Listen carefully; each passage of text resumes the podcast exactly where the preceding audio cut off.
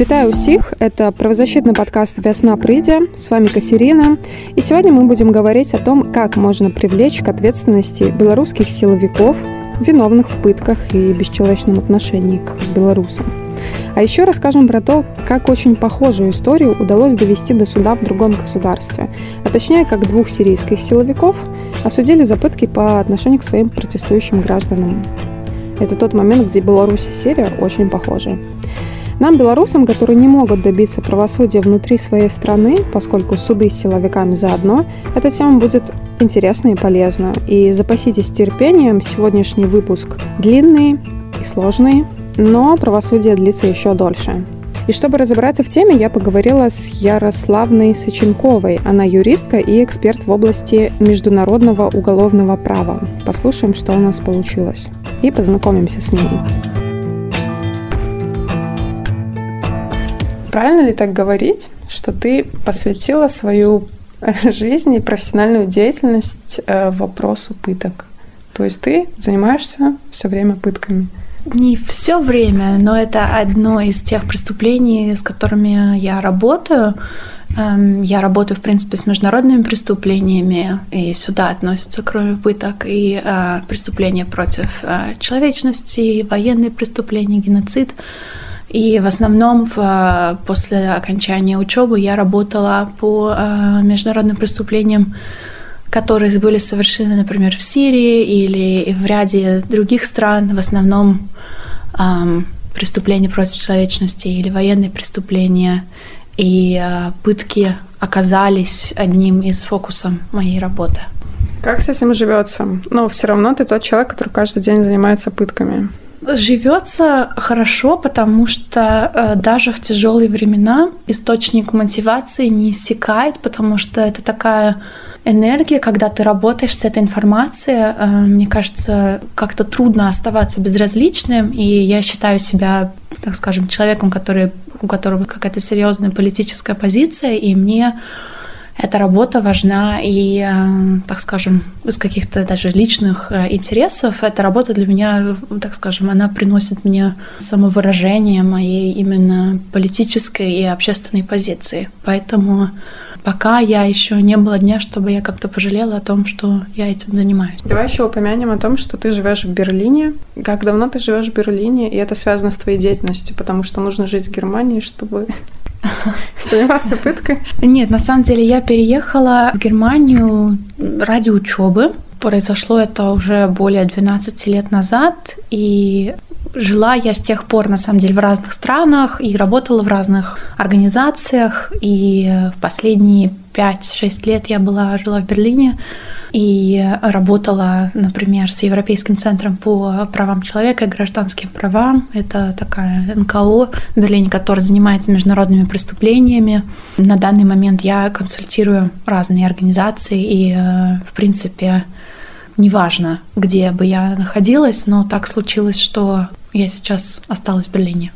И вот э, пытки – это то, с чем столкнулись белорусы массово, к сожалению, в августе 2020 года с 9 по 12-13 августа, э, когда многие, если говорить о Минске, сидели на Крестина, после чего Крестина стала очень знаменитым местом, хотя пытки там были и до августа 20 но не, не так массово.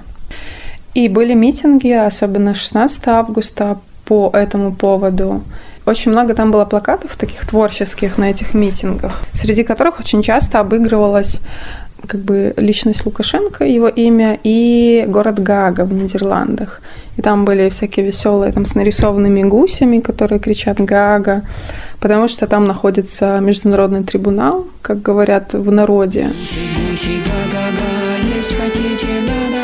Это веселый, ну и такой показательный плакат, но на самом деле он не совсем точный потому что Лукашенко не смогут судить и вообще белорусов, белорусских силовиков, вообще граждан Беларуси не смогут судить в Гаге, потому что Беларусь не подписала Римский статут Международного уголовного суда, который, кстати, находится в Гаге. Вот откуда это все берется, но это Беларуси недоступно. Недоступно также Европейский суд по правам человека, Хоть Европейский суд является довольно действенной структурой, но, к сожалению, Беларусь не в Совете Европы, и часто правозащитники, правозащитники весны говорят, что препятствие к этому, например, наличие смертной казни в Беларуси. И этот вопрос, кстати, актуализировался в последнее время, когда э, вводятся законы за намерение совершить терроризм, в общем, против э, рейковых партизан что связано уже с контекстом войны в Украине. Но, тем не менее, Беларусь не в Совете Европы, поэтому ЕСПЧ для нее закрыт. Это к вопросу о том, что белорусы не смогли обжаловать и завести уголовные дела на силовиков, на ОМОНовцев, которые их пытали на национальном уровне. Что может сделать человек? Обращаться на международный уровень. А на самом деле на международном уровне для белорусов все тоже мало что доступно, как мы сейчас рассказали. Но тем не менее что-то доступно, и то, что является доступным, это универсальная юрисдикция. И, кстати, хочу отметить, что правозащитник и наместник старшини, э, заместитель руководителя, если по-русски, правозащитного центра «Весна» Валентин Стефанович, он очень явно и с энтузиазмом продвигал этот момент универсальной юрисдикции. Я, признаюсь, в августе 20-го слабо понимала вообще, что это и как нам это поможет. Но, тем не менее, это единственный вариант, как можно расследовать пытки в Беларуси белорусам для белорусов и привлечь виновных. Да, на данный момент, к сожалению, это одна из э, тех редких опций, если не одна единственная опция, как э, как раз-таки ты правильно сказала, ни Международный уголовный суд э, не может привлечь виновных, Европейский суд не может сказать, что Беларусь должна расследовать пытки. Но учитывая, что пытки это такое серьезное преступление, в принципе, в международном сообществе существует этот вот концепт универсальной юрисдикции, который позволяет избежать беззакония. То есть с таким, э, с принципом универсальной юрисдикции государства могут э, расследовать и преследовать э, преступления вне зависимости от того, где они были совершены, кем они были совершены и против кого они были совершены. Но только в случае, если само государство не расследует, то есть где это само государство, где это произошло, и отказывается или не хочет э, расследовать эти преступления. То есть таким образом каждое государство в теории имеет право расследовать пытки, так как это преступление такой тяжести, что оно затрагивает все международное сообщество. То есть это такой негласный принцип в международном праве, что пытки подлежат абсолютному запрету, и э, государства должны их э, расследовать. И несмотря на то, что этот концепт звучит так здорово, он еще не так сильно популярен и использован э, в международном сообществе. Например, в европейских странах есть государства, где универсальная юрисдикция признана законами, то есть это адаптировано законами. Например, Германия. В Германии есть специальный кодекс против международных преступлений, и он позволяет органам прокуратуры Германии расследовать преступления, даже если они совершены не гражданам Германии, вне Германии, а против не гражданина Германии. Как, например, мы видели в судебных разбирательствах против граждан Сирии по поводу преступлений, которые они совершили в Сирии. И есть подобные э, государства, например, э, Норвегия, Швеция э, также позволяют использование такого принципа универсальной юрисдикции. Литва также имеет хорошую правовую основу для универсальной юрисдикции. Другие государства, например, Франция, их а, законодательство предусматривает, чтобы пострадавший от этого международного преступления был гражданином Франции, либо же сам человек, который совершил это преступление, был гражданином Франции. То есть а, это только в Европе, в принципе, концепт на самом деле существует и в других а, государствах. Например, Аргентина является одним из государств вне Евросоюза, и они этим принципом также пользуются и заводят время от времени интересные дела по универсальной юрисдикции. Но э, возвращаясь обратно-таки э, к, контексту Беларуси, конечно, здесь мы смотрим в первую очередь на европейские государства, потому что это те государства, в которые люди бежали от преследований и бежали в первую очередь пострадавшие от пыток, и эти люди являются, переводя это в юридический язык, потенциальными свидетелями, и их показания могут стать а, потенциальными доказательствами. То есть здесь мы видим четкую ответственность европейских государств в преследовании пыток, которые были совершены в Беларуси, учитывая, что а, на их территории находятся пострадавшие. А зачем все-таки другому государству. Например, мы сейчас будем говорить об очень интересном кейсе, как в Германии расследовались пытки в Сирии. То есть они случились в Сирии, но Германия их расследовала. Зачем какому-то другому государству это делать? Это случилось в другом государстве, можем посочувствовать, но э, для чего тратить собственные ресурсы и деньги на оплаты судей, прокуроров, чтобы расследовать то, что далеко в другой стране, хоть в своей стране, но тоже есть э, работа. Да, действительно, это стоит больших ресурсов для государств. Некоторые такого рода судебные разбирательства длятся годами, в то время как расследования могут длиться десятилетиями иногда. То есть это действительно большие ресурсы. Но тем не менее, это своего рода чувство ответственности международного сообщества, которое, так скажем, государство, государство, следуя этому чувству ответственности, а, расследует пытки, чтобы они в будущем, так скажем, не совершались. Но это, конечно, это в теории. А, то есть на практике мы видим немного другое а, развитие, мы видим своего рода и двойные стандарты, которые происходят, и невыполнение обязательства. Например, в одном государстве может находиться потенциальный подозреваемый, и тем не менее это государство не принимает никаких совершенно мер, чтобы этого подозреваемого либо опросить, либо задержать, либо передать этого подозреваемого э, государству, которое уже ведет расследование. Потому что есть международное право, есть политика, и, к сожалению, политика иногда предотвращает правосудие. И мы видели это, например, в тех делах, которые касаются пыток, которые были совершены или организованы, например, государствами, такими государствами, как, например, э, Америка. Все знают про Гвантанамо mm-hmm. и про пытки, которые были совершены там. И, как ни странно, Генеральная прокуратура Германии занимается пытками, которые произошли в Сирии, но не занимается пытками, которые не расследуют, например, Америка. А, то же самое касается, например, других государств. Они не расследуют пытки, которые были совершены, например, в России, пока они не расследуют то, что произошло в Беларуси. Не знаю, насколько это связано, так скажем, в данном контексте только с политикой, а, потому что, конечно, еще очень важна доказательная база, то есть доступ а, к свидетелям и тому подобное. Но это, тем не менее, тренд, который мы видим в подобного рода судебных разбирательствах. То есть в теории государства должны, и они иногда пользуются этим принципом э, универсальной юрисдикции, но, к сожалению, не в таком масштабе, как необходимо для того, чтобы действительно эффективно преследовать и предотвращать использование пыток. Ох, как мне слегка печально это прозвучало, потому что универсальная юрисдикция единственная возможность для белорусов, а она сама иногда не очень хорошо работает, mm. к сожалению.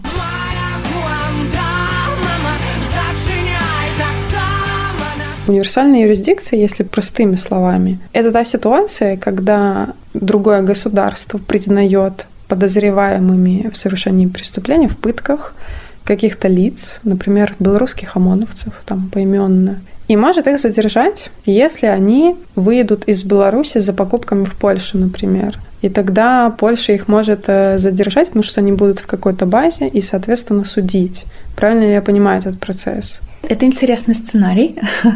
А, упрощенно, да. А, но, конечно, для того, чтобы задержать, нужны серьезные основания, нужна какого-то рода обвинительная база, нужно большое количество доказательств. И, естественно, тоже для того, чтобы провести какое-то судебное разбирательство. То есть первый этап в этом сценарии, который важен, это чтобы государство вообще открыли расследование и начали собирать доказательную базу. Потому что если сейчас кто-то пересечет границу, а у них нет ни расследования, ни доказательств, ничего не случится, потому что в государстве, где правовой режим работает, им просто не удастся, и просто никто ничего не будет делать. Поэтому важно быть готовым, и поэтому важно расследовать те как раз-таки преступления, которые особенно совершаются в соседних государствах. И, конечно, можно задать вопрос, это же невозможно расследовать все, что происходит. Сейчас мы видим войну в Украине и то, что происходило в Беларуси, в других государствах совершаются преступления. Но на самом деле государства могут кооперировать, и есть специальные механизмы для того, чтобы они обменивались доказательствами. То есть теоретически, например, даже если ОМОНовец, например, приедет в Польшу, а Польша совершенно ничего не знает, никакого нет расследования, нет доказательств, а, теоретически они могли бы обратиться к другим государствам и посмотреть, есть ли у них какая-то, может быть, доказательная база или открытое расследование, и кооперировать уже таким образом для того, чтобы может быть, выдвинуть какого-то рода обвинения. А правильно ли я понимаю, что если какая-то страна, а, вот, например, Германия, которая инициировала расследование по поводу Сирии, и вот, допустим, Германия инициировала расследование по поводу Беларуси, а ОМОНовец приезжает в Польшу, то в Польше его могут задержать, либо только в Германии. Это тоже нужно немножко разделить на теорию и практику. В теории да, э, в теории Германия может потребовать экстрадиции этого человека из Польши для расследования и судебного разбирательства на территории Германии. Германия то же самое может сделать и с любым другим государством. То есть вне зависимости от того, э, Европа это не Европа, а Германия может это сделать, и есть международные обязательства передачи такого рода подозреваемых, в принципе, государству, которое проведет независимое и справедливое расследование. Но практика, опять-таки, отличается немного от теории, к сожалению. И были такие случаи, например, где Германия выдала ордер на арест одного из высокопоставленных руководителей сирийских спецслужб. Он приехал в Ливан, если я не ошибаюсь, и Германия сделала запрос на то, чтобы его выдали, для того, чтобы произошло судебное разбирательство. Но Ливан, к сожалению, этого не сделал. И э, такие вещи происходят э, тут и там, к сожалению. Например, против э, Аль-Башира, э, суданского президента и диктатора, и против которого выдвинуты серьезные обвинения Международным уголовным судом. Против него ордеры на арест существуют уже, мне кажется, около 10 лет. Э, и тем не менее он путешествует по миру, можно сказать, и пока его не арестовали, несмотря на ордер на арест одного из самых значительных органов международного правосудия. Окей, okay. Аль-Башир путешествует по миру. По поводу того, кто приехал в Ливан. Его зовут Джамиль Хасан. Но Ливан его не экстрадировал. Наверное, это тут включаются политические игры предпочтения. Наверное, Ливан симпатизирует правительству Сирии, и, возможно, поэтому он его не выдал. То есть по таким причинам некоторые государства по универсальной юрисдикции не выдают людей. Да, с одной стороны и политические какие-то соображения играют роль, и с другой стороны это могут быть и своего рода акт протеста против всего механизма международного правосудия, то есть мы mm-hmm. все еще видим государства, которые не только не хотят ратифицировать, например, Римский статут, но и ведут активную кампанию против самого существования Международного уголовного суда, например, э, Соединенные Штаты Америки, э, Российская Федерация, Китай. То есть это постоянные э, какие-то дебаты по поводу вообще легитимности такого рода международного инструмента. И поэтому, когда государства отказываются следовать, например, своего рода запросам, которые могут привнести вклад в международное правосудие, они могут не последовать этому запросу.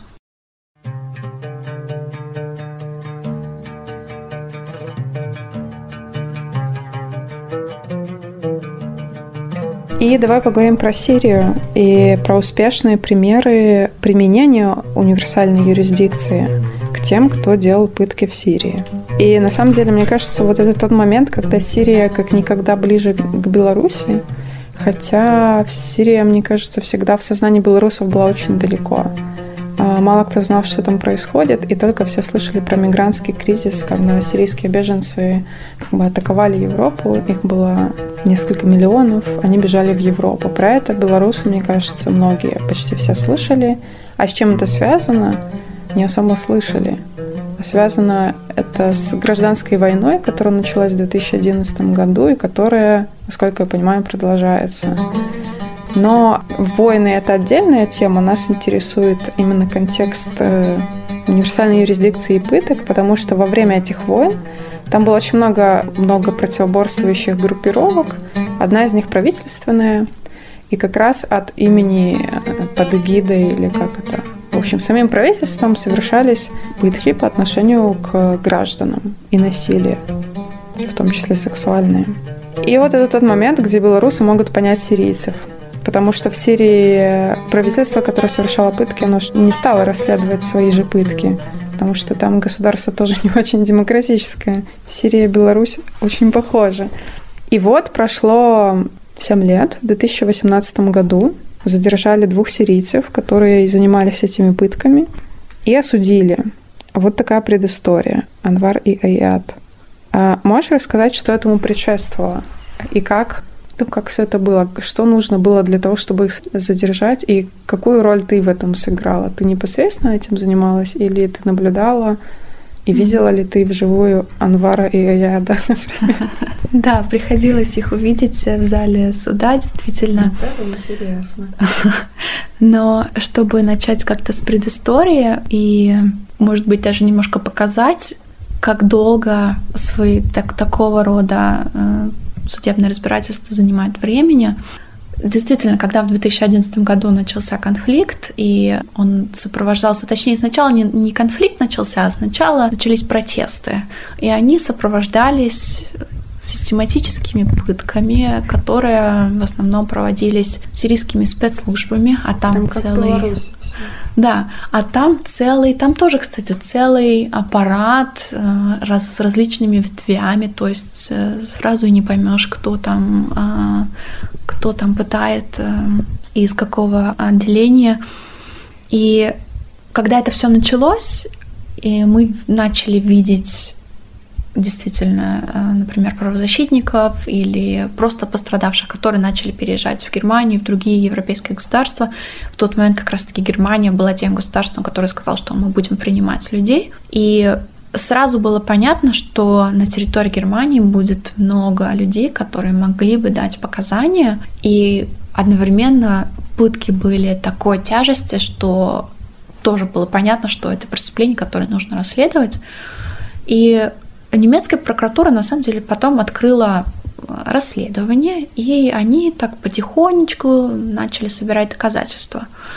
И тут приходит э, на помощь таким органам прокуратуры, как обычная гражданская организация гражданского сообщества. Угу. И помогают тем, что представляют, например, э, свидетелей, пострадавших в качестве источников потенциальных доказательств. И это вот как раз-таки та работа, которой э, в том числе занималась я. Я занималась опросом свидетелей и подготовкой каких-то документов, которые э, могли бы помочь органам прокуратуры в расследованиях. И мы вместе с сирийскими организациями собирали такого рода доказательства в какую-то доказательную базу и затем писали юридический анализ и отсылали все это в прокуратуру с требованием расследовать. И в данный момент это были люди, которых мы интервьюировали, это были люди, которые находились в Германии, то есть мы требовали того, чтобы прокуратура этих людей или в Германии это делает федеральная полиция, чтобы они этих людей интервьюировали и включили это в свою доказательную базу. И занимались мы этим на самом деле несколько лет, писали такого рода уголовные жалобы и в Германию, на самом деле и в Швецию, и в Австрию, и в другие государства подавали эм, такого рода уголовные жалобы, требуя каких-то более конкретных действий. И когда мы подали первую жалобу, Германия в течение двух недель послушала всех пострадавших. И для нас это тогда был очень четкий сигнал, что они действительно хотят расследовать, и это не просто как государство это часто делают, э, все эти просто речи направо и налево, это военные преступления, это преступление против человечности, а когда речь доходит действительно до расследований, ничего не происходит. То есть, например, по Сирии, наверное, за 10 лет тысячи такого рода речей было. А сколько мы видели открытых расследований? Буквально несколько. То же самое, например, э, про Беларусь. Сколько мы слышали речей, э, что будут открыты расследования или что как это важно, что это просто совершенно серьезные преступления. Вот. Но в тот момент нам было понятно, что Германия выслушала свидетелей, и они продолжали собирать доказательства, и это нас на самом деле мотивировало делиться с ними дополнительной информацией. Но э, во многих государствах судебное разбирательство может начаться только когда подозреваемый э, находится в стране. То есть, например, ордер на арест может быть выдан где бы подозреваемый ни находился. Например, э, в какой-то момент Германия выдала ордер на арест на Джамиля Хасана, несмотря на то, что он был, находился в тот момент в Сирии. Но он путешествовал, и была какая-то возможность, что он попадет в государство, которое его выдаст или приедет, например, в ту же самую Германию. И в случае с э, вот этими двумя подозреваемыми, которые в конце концов оказались на скамье подсудимых, они приехали в Германию как беженцы, и в какой-то момент они даже дали показания как свидетели, и в какой-то момент было понятно, что они могут квалифицироваться как подозреваемые. И они были опознаны, если я не ошибаюсь, э, сирийским сообществом, которое находилось в Германии. То есть mm-hmm. они были на улице рядом с другими сирийцами, а, в то время как в том же городе, например, находились э, люди, которые пострадали, пострадали от, э, от действий, которые они совершили. И оба подозреваемых, Анвар и Эят, были арестованы в один день. И так началось, э, так началось все это судебное разбирательство. И оно длилось тоже... Эм, два года. Да, два года, и были... И это на самом деле очень короткий срок для судебного разбирательства, yeah. потому что если мы посмотрим на Международный уголовный суд, где судебные разбирательства могут длиться аж чуть ли не 10 лет, или ту же самую Германию. Были, например, суды, которые тоже длились там более пяти лет и эм, не обязательно увенчались каким-то успехом, но тем не менее. То есть за два года суд послушал очень разных свидетелей. И, может быть, немножко рассказать вообще, кто эти два подозреваемых. Один из них, Ануар, он был главой одной из тюрем, так скажем, mm-hmm. или места заключения. Но на самом деле это ну, для нас так перевести, можно сказать, своего рода РУВД, одно из РУВД в, в Дамаске, но оно принадлежало спецслужбам. И он руководил этим местом заключения, этой тюрьмой. А Ияд был своего рода посредником. Он задерживал людей а, на протестах и привозил их а, в это место заключения. В итоге, во время всего судебного разбирательства, которое проходило в городе Коблинце в Германии, много пострадавших дали показания. А, некоторые пострадавшие отказались давать показания в последний момент из-за соображений безопасности. А также показания были даны всевозможными экспертами, включая, например, правозащитные организации, которые собирали информацию, которые работали с пострадавшими, также показания были даны бывшими сотрудниками подобного рода государственных учреждений, которые могли рассказать, например, о том, что действительно Ануар или я там работали, и что у них был эффективный контроль над тем, что происходило в тюрьме, и что они были и свидетелями. В основном речь идет, конечно, о, о Анваре, потому что Яд играл намного меньшую роль в этом всем. Получила меньший срок, а, забегая наперед. Да, да. А Анвар действительно длительное время не только следил за тем, что происходило там, но и, как доказал суд, он был соучастником огромного количества пыток, систематических пыток, которые производились или которые были совершены в этой, а, в этой тюрьме, которая в народе, так скажем, называется Аль-Хатиб. Аль-Хатиб тюрьма. Вот, и Ануар получил пожизненное за эти преступления. Да, а я четыре с половиной года как пособник. Ты была на этих судебных заседаниях и видела Анвара и Аяда вживую. Да. И как они выглядят? Они выглядят как обычные люди, как, а, как ни странно это звучит, как ты и я. Но да, но когда, конечно, ты начинаешь а, слушать показания пострадавших, и ты видишь, что некоторые пострадавшие приходят, например, как-то прячут лицо, потому что они действительно боятся быть опознаны подозреваемыми потому что никто, ну, мы можем видеть как-то со спины, сидя в зрительном, так скажем, в, в задней части зала, но э, действительно большие соображения по безопасности. Но резонанс был на самом деле большой. То есть каждый день, сколько судебного разбирательства шло, люди приходили, приходили и пострадавшие, которые, например, решили не участвовать в процессе по каким-то личным соображениям и сирийские журналисты мониторили все судебное разбирательство каждый день. И на самом деле в какой-то момент, может это, конечно, тоже так странно звучит, но в какой-то момент, мне кажется, судья и прокуратура, расследователи, адвокаты, подсудимые и постоянные какие-то зрители, это были люди, которые видели друг друга каждый день. То есть вот там начинается заседание там в 8 утра, и все встречаются, там все идут с кофе, и в какой-то день это приняло какого-то какую-то обыденность, что ли, и все там говорят друг другу привет, но все, тем не менее, понимают, что речь идет о, там, о самых страшных преступлениях, которые, э, точнее, виде преступлений, которые люди могут совершить. Но это для, опять-таки, для нас, я не являюсь пострадавшей, поэтому у меня совершенно другой взгляд на все. И от тех пострадавших, с которыми я работала и которые там были, у них, конечно, совершенно другое отношение к этому. И для них это совершенно вообще другая, э, другой процесс переработки эмоциональной, переработки как-то того, что, что они видят, что действительно совершается правосудие, и особенно для тех, кто лично видел этих подозреваемых, кто пострадал, так скажем, от них лично, это, конечно, совершенно другое э, отношение. И мне об этом трудно, трудно судить. Я не знаю статистики или не нашла статистики по количеству как это, запытанных людей в Сирии с момента начала гражданской войны.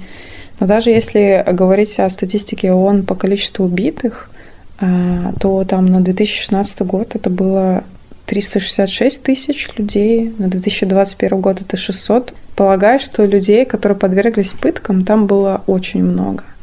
И за это время в 2011 началась гражданская война, и Анвар и Аят делали эти преступления где-то вот в 2011 примерно, насколько я поняла. А в 2018 выдали ордер на их арест, в 2019 им предъявили обвинение, в апреле 2020 начался в суд, и в январе э, и феврале 2022 года их осудили. Суд длился почти два года, и осудили двух человек. И это было так долго, и осудили двух человек, но это же капля в море того, что произошло в Сирии.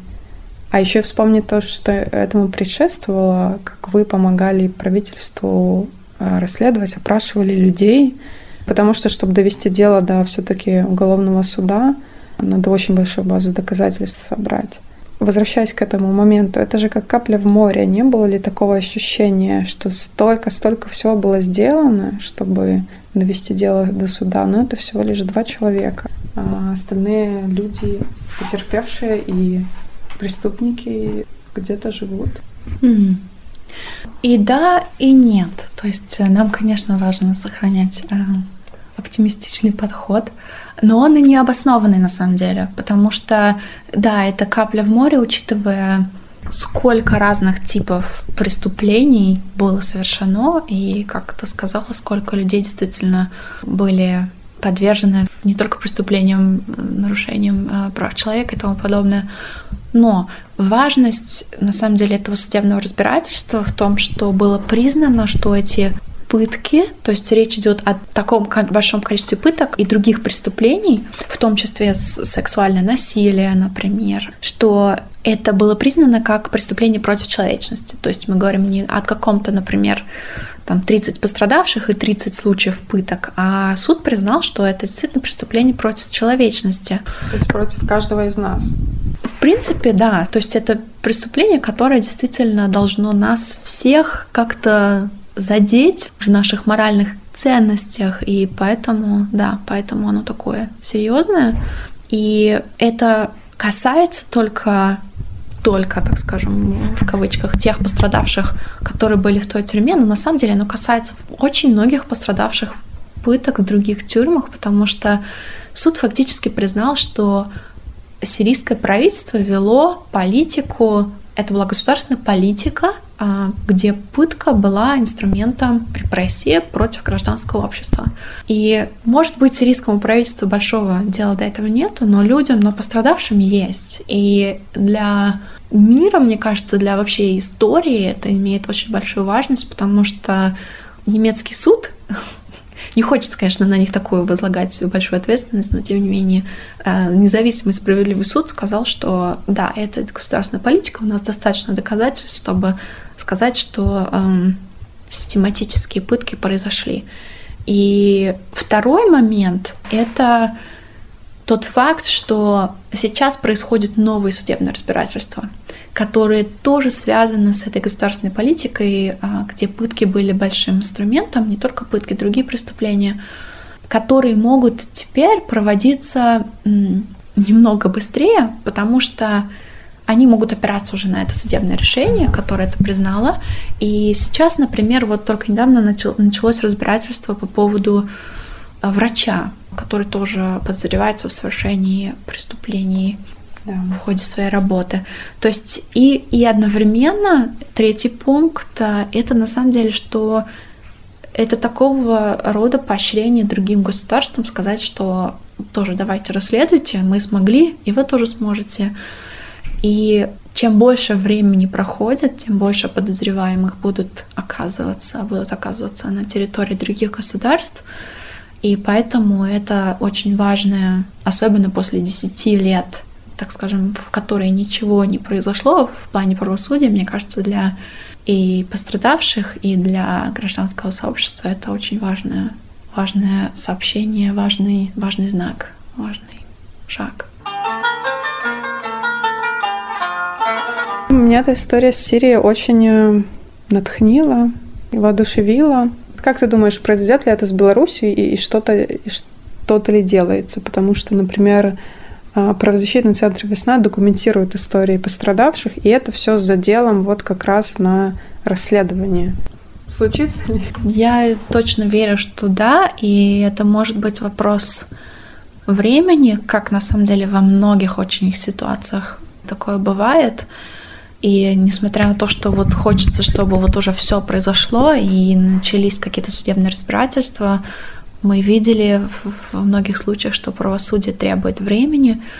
И, конечно, тут другой еще фактор, что даже если будут расследования и будут ордеры на арест, а тем не менее нужны подозреваемые, которые приедут или которых передадут для судебных разбирательств. Хотя некоторые государства проводят судебное разбирательство без присутствия подозреваемых.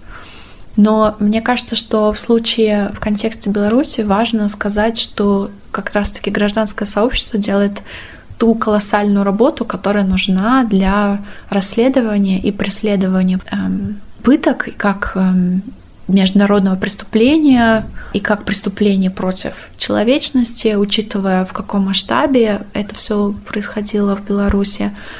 Органы прокуратуры нужно продолжать требовать от них, чтобы они слушали свидетелей, собирали доказательную базу и кооперировали друг с другом для того, чтобы быть готовыми к тому случаю, как, например, Германия была готова, что на их территории, например, появится на их территории или на территории соседних государств появится подозреваемый, против которого можно будет начать э, судебное разбирательство.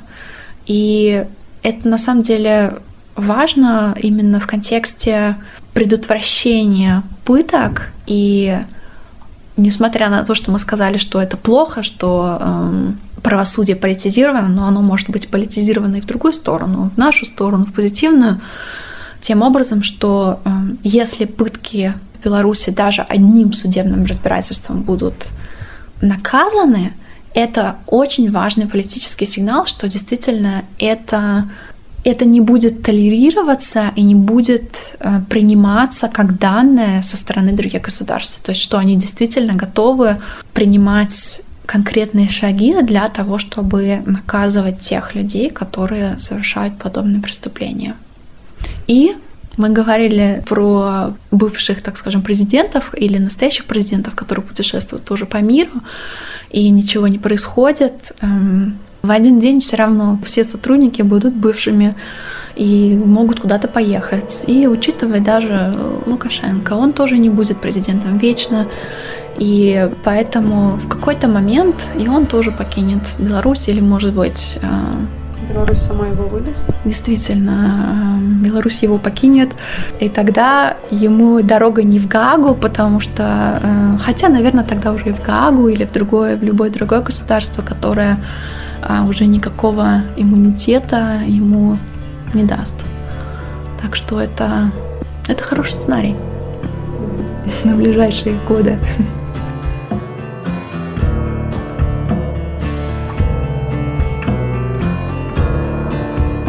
Вот такой разговор у нас получился с Ярославной Сычунковой. Достаточно честный и реальный. Я убеждена, что нам, белорусам, важно понимать реалии и разбираться в том, что нам доступно, какие сложности с этим могут быть. Правосудие это очень важно и в фактическом смысле осудить конкретных виновных, и в символическом, чтобы пытки больше не продолжались.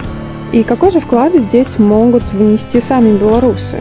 Это рассказывать о своем опыте. Если вы столкнулись с бесчеловечным и жестоким обращением со стороны силовиков – и сотрудников ИВС, СИЗО и других мест несвободы, обращайтесь в правозащитный центр «Весна», чтобы задокументировать свою историю. «Весна» работает в рамках международной платформы для Беларуси по привлечению к ответственности виновных – IAPB. Эту платформу поддерживает куча государств, то есть она независима от кого-то конкретного. И собранные задокументированные истории будут использоваться в ходе любых будущих независимых уголовных расследований и судебных разбирательств в соответствии со стандартами международного права. И на этом я с вами прощаюсь. Хочется пожелать всем веры в лучшее будущее.